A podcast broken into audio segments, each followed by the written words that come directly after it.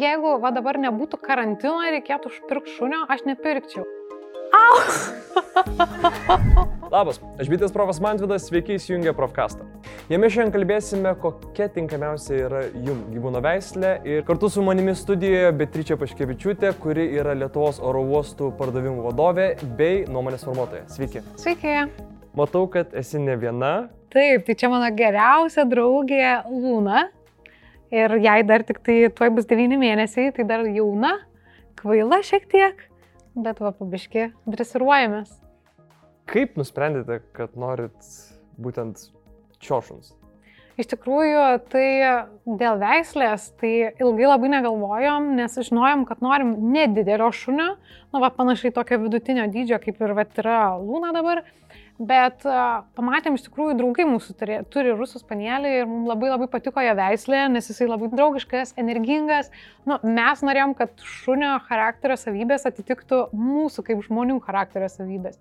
Nes mes esame tokie su draugu labai bendraujantis, visur važinėjantis, tai norėjom, kad ir šuo būtų nu, mūsų charakterio. Tai tokį ir gavom. Įdomu, nes jūsų atveju jūs jau žinojote, kokį šunį norite ir kokių savybių ieškote, o kai kuriems žmonėms tikrai būna sunkiau. Šioje vietoje aš norėčiau pasiūlyti programėlę, tai yra Perfect Dog X. Jos pagalba galite užpildyti testą ir įsiaiškinti, kokia šuns veislė tiks būtent labiausiai jums. Na, o kitu atveju, jeigu pavyzdžiui eisite gatvėje ir pamatysite Luna ir galvosite, koks gražus šuo, nežinau kokią veislę, labai norėčiau būtent tokio, galite pasinaudoti DocScanner arba Google Lens programėlę savo telefone ir taip jums telefonas papasakos daugiau apie tą veislę, net jeigu tai ir mišūnas. Tai kaip suprantu, sakėte, aktyvus laisvalaikis, reiškia, reikėjo aktyvaus šuns. Ar turi kokiu nors savybių būtent šitą rusų spanėlio veislę, kuri netitiko šiek tiek, bet susigyvenot su tą savybę? Tai per daug aktyvi. Per daug aktyvi. jo, mes gal tikėjomės, kad bus ne tiek daug aktyvus šuo, nes iš tikrųjų tai gal, gal ne tiek aktyvus, bet tiek draugiškas. Nes mes, kai išeinam į gatvę, į šunų aptvarus ar panašiai, tai jai kartais yra įdomiau net ne šunis, bet žmonės. Tai jinai prie kiekvieno, prie kiekvieno žmogaus pribėga, kiekvienu žmogum džiaugiasi, kiekvienas žmogus jai labai įdomus yra, tai mes gal nesitikėjom, kad tiek ją labai trauks tie žmonės ir tiek daug jinai norės to dėmesio, draugauti ir panašiai. Na, nu, aišku, gatvėje ir prie kiekvieno šuojo jai labai įdomus, bet žmonės atrodo įdomesni negu šunys. Tai va tas lab, galbūt labai nustebino. Ir šiaip sunku iškrauti. Nu, tikrai reikia daug veiksmo, kad išsikrautų šuo. Kiek yra tas daug veiksmo? Kiek kartų per dieną reikia bėdžioti Tai mes nusistatėm taisyklę, kad mes vedam tris kartus, galbūt ateityje mažinsim iki dviejų kartų, bet tas iškrovimas, nu, pavyzdžiui, dabar praleido manykščiuose keturias dienas, tai iš jų tris dienas jinai lakstė, buvo laisva praktiškai keurą parą ir tik po trijų dienų jau jai buvo autas, kai jinai jau ketvirtą dieną tiesiog gulėjo ir nieko nebenorėjo jau net žaisti ir jau žmonės nebe tokie įdomus pasirodė. Tai va reikia trijų dienų labai aktyvių, kad jinai nors šiek tiek aprimtų. Kaip žinoma, šunims reikia ir augintiniams dažniausiai reikia kažkokio stabilaus grafiko. Kaip sekasi laikytis to grafiko, ar jisai yra Puikiai, mums iš tikrųjų puikiai, mes visą laiką ją vedam ryte tarp 7 ir 8, tas pirmasis būna išėjimas, tada po darbo tarp 4 ir 6 tas antrasis išėjimas, o tada jau grinai prieš naktį tarp 9 ir 11 val. vakaro yra paskutinis išėjimas. Tai nu, mes taip esam susidėlioję, taip mums yra patogiau dėl darbų, dėl hobių ir panašiai. Tai bet sakau, ateityje galbūt norėtųsi, kad būtų tie trys išėjimai, du išėjimai vietai trijų, kad šiek tiek sumažint, bet nu, aš dar skaitau, kad Lūna yra maža, o aš nusipirkau ją ir aš esu už ją atsakinga, tai noriu, kad jinai auktų laiminga, tai Dabar reikia daugiau pavėdžioti, nors pradžioje, aišku, nėra ką lyginti, nes pradžioje būdavo ir po 10 kartų, ir po 8 kartus eidavai per dieną. Ir nu, tiesiog jau kai tokiam žingsniui pasiryšti, tai žinai, kad uh, turėsi praleisti labai daug laiko iš tikrųjų su šuniuku. Ar buvo dar kokia nors veislė, apie kurią galvojot be rusų spanėlio? Šiuo metu, kai rinkomės, nelabai, nors aš vaikystėje esu turėjusi ir atveirėlį, bet uh, kažkaip ne, mes iš karto apsistojom, buvo tarp rusų spanėlio ir anglų spanėlio iš tikrųjų pasirinkimas, bet kadangi mes sugal, ai, atsiprašau, dar kokapų yra šuniukas. Tai dar apie šitą svarstėm, bet uh, iš tikrųjų karantino metu, kai pradėjau domėtis ir ieškoti šuniukų, tai pasirodė, kad tai yra labai dabar deficitą šunų ir karantino metu žmonės labai daug pirko šuniukų ir eilės visur yra po pusę metų, po metus laiko, tai nėra taip paprasta, kad tu šiandien užsinorėjai šunio ir va šiandien gausi.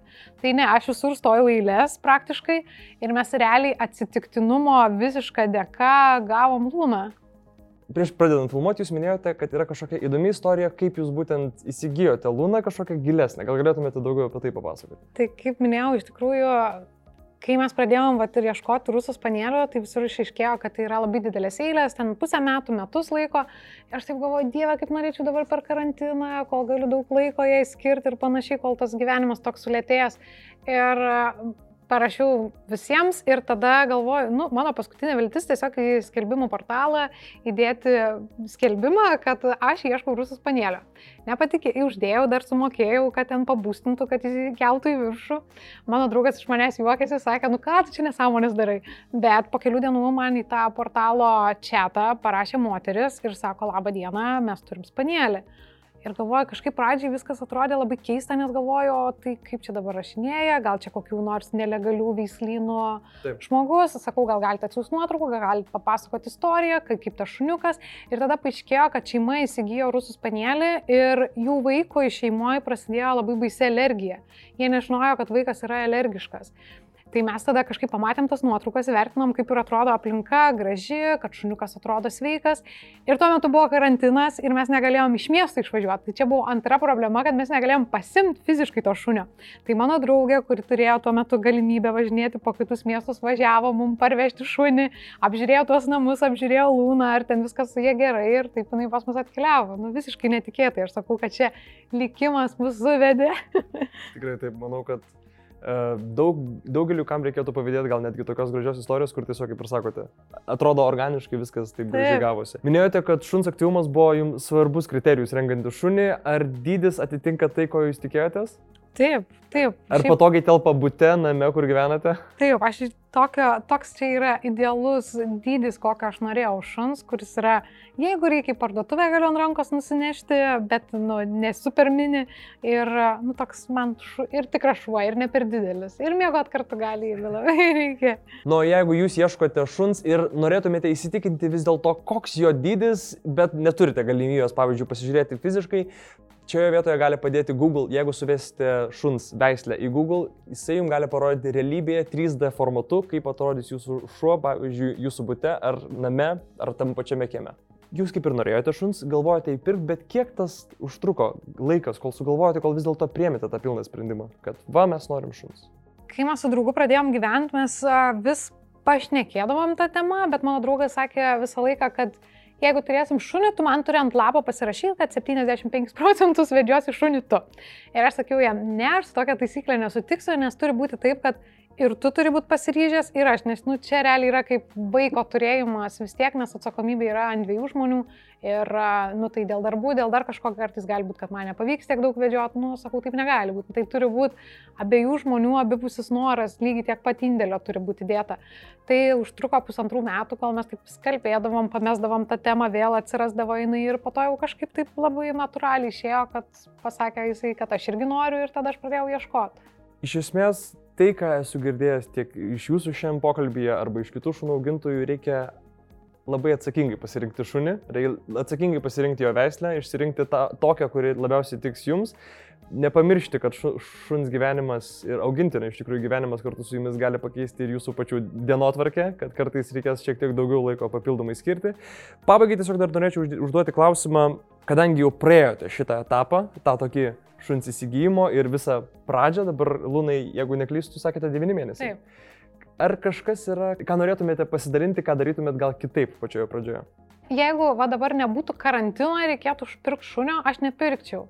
Todėl, kad būtent karantinas, bent jau mano atveju, ir leido įsigyti šunį, nes aš turėjau laiko, aš galėjau dirbti iš namų, aš galėjau vedžioti 10 kartų per dieną, o normaliu gyvenimo ritmu aš to negalėčiau padaryti. Ir tiesiog, nu, ta pradžia būtų velniškai sudėtinga ir manau, kad tiek šuo kankintųsi, tiek aš emociškai labai kankinčiausi, kad jis ten sėdi uždarytas ir nesimoko tam tikrų dalykų.